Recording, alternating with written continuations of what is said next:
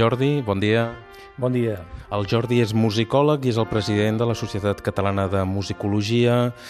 Dona't bé aquest interès pel món dels instruments perquè, en el fons, una de les teves especialitats, deixa'm-ho dir, la teva gran especialitat, és la iconografia musical. D'on neix tota aquesta història? Bé, és una història, eh, com la majoria d'aquests casos, molt personal, que surt de la meva doble formació. Per una banda, com a músic, eh, com tantes altres persones, que comences a estudiar a una de música, passes a un conservatori, vas fent cursos, eh, però alhora una passió eh, i un, eh, un gust per l'art que em va portar a estudiar història de l'art, també relacions familiars, el meu pare era pintor, és pintor, coralista, eh, per tant hi ha tota una relació familiar en la que es combinen les dues arts la música i la pintura, de fet l'art en general sempre m'ha interessat. El resultat d'això és un bon dia vaig pensar, ostres, com és que tants artistes al llarg de la història han representat eh, instruments musicals o, o elements musicals eh, en l'art? I, i d'aquí aquest interès per, per eh, començar a investigar aquest, aquesta guspira que et diu, ostres, que, per què pinten això, per què representen allò altre, eh, què vol dir eh, aquests instruments musicals i aquests elements musicals en l'art.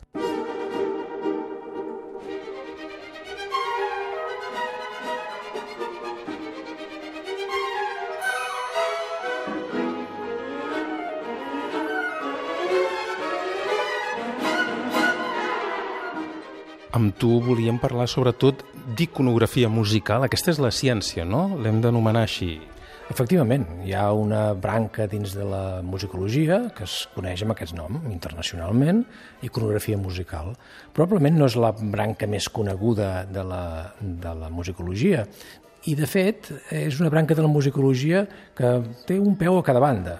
Una banda en la, en la música, però l'altra també en la història de l'art. I, de fet, hi ha alguns iconògrafs de la música que, més que musicòlegs, són historiadors de l'art i diuen que no, és que dins de la història de l'art hi ha una branca que es dedica a la recerca de les representacions musicals. Per tant, estem navegant en dues aigües i això jo crec que dona una riquesa especial a l'estudi de les representacions de la música en l'art, que aquesta seria, de fet, la definició de la iconografia musical. Però clar, iconografia musical vol dir moltes coses, no només representació d'instruments. I aquí una mica ve la història de trobar-nos amb tu perquè ens expliquis exactament què hem d'entendre com iconografia musical. Efectivament. De fet, eh, qualsevol representació icònica, mm, gràfica, d'elements musicals, fixeu-vos que no dic instruments, sinó qualsevol tipus d'element musical o relacionat amb la música en l'art, eh, és contemplat com a objecte, possible objecte d'estudi de la iconografia musical. Els instruments és el més evident. Qui no ha anat mai a un museu i ha vist un instrument representat eh, sent tocat per, per, per un àngel músic, a la millor, o en una església, o una Santa Cecília tocant un orgue. Eh, I dit, mira, que, que orgue té tantes tecles, o té tants tubs, o mira que, està, que bé que està aquesta, aquest llaüt que toca aquest altre àngel, o que toca eh, aquest músic, o, o aquest dimoniet eh, en aquest retaule. Bé, doncs, eh, tot això és iconografia musical, però també ho és la representació de coses que, que aparentment no, no, no diríem o no ens plantejaríem que, que puguin ser. Per exemple, retrats. Retrats d'aquí, retrats de compositors, retrats de músics, que a vegades estan representats o retratats amb un instrument a la mà o amb una partitura, però a vegades no. I en canvi sabem qui no ha vist eh, eh, aquests retrats de, Mozart, de Bach, de Beethoven, aquests bustos de, de Beethoven o, o fins i tot eh, bustos mortuoris de, de Liszt, de Beethoven. Bé, això també és iconografia musical i fixeu-vos que estem parlant d'una cosa que està eh, molt distant d'aquella idea que jo comentava al principi d'un eh, angelet tocant un orgue o un llaüt. Eh, encara més coses que tenen relació amb, el, amb la iconografia musical, eh, l'estudi de les esbossos o dissenys d'escenografies eh, de, de teatre musical, eh, de, de ballets, d'òperes, com es concebia en una determinada època una, una determinada escenografia, eh, tot això també forma part de la iconografia musical. I encara, si anem a l'extrem, i sobretot eh, això ha estat molt desenvolupat per historiadors de l'art, també pot ser considerat iconografia musical la representació de eh, elements artístics, de representacions artístiques en els instruments musicals. Estem parlant, i això segur que ho heu vist tots, eh, en els clavillers, per exemple, de, de molts instruments, de, de, de violes de gamba, que hi ha unes petites talles, moltes vegades, d'un petit cap d'una figura humana, o d'un animaló, d'un lleó, d'un altre animal. Bé, doncs, aquesta representació artística, que no deixa de ser una petita escultura en l'instrument, té també una significació, té també eh, un sentit que és estudiat per determinats eh, col·legues dins, de, dins del, del món de la iconografia musical i per tant també de la musicologia, és clar.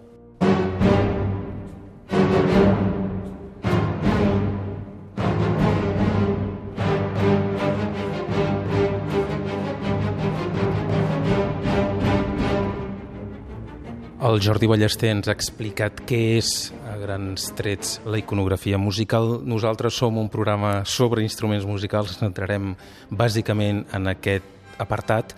Des de quan neix l'interès per observar, estudiar els instruments eh, representats, no només pictòricament, sinó en qualsevol tipus de representació artística?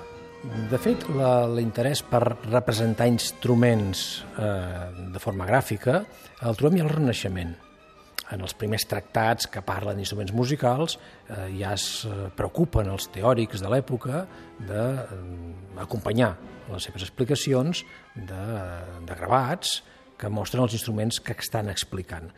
Eh, de tota manera, no és tant un interès per estudiar els instruments a través de la imatge, sinó més aviat que la imatge il·lustri el text.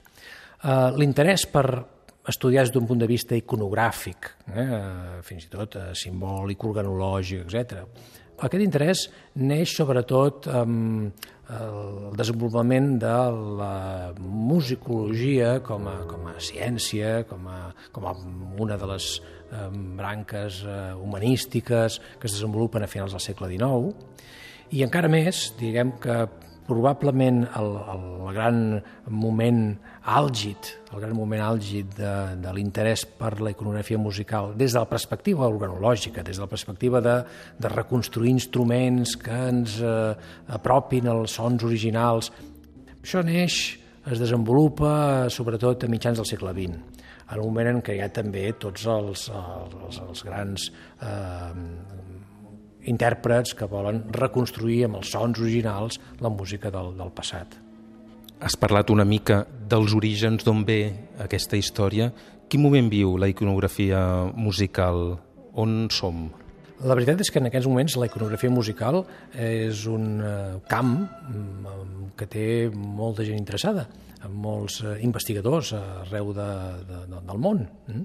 De fet, hi ha algunes organitzacions internacionals que en els últims eh, 20 anys, especialment, estan mm, fent molta feina i són molt actives amb, amb aquest terreny de l'iconografia.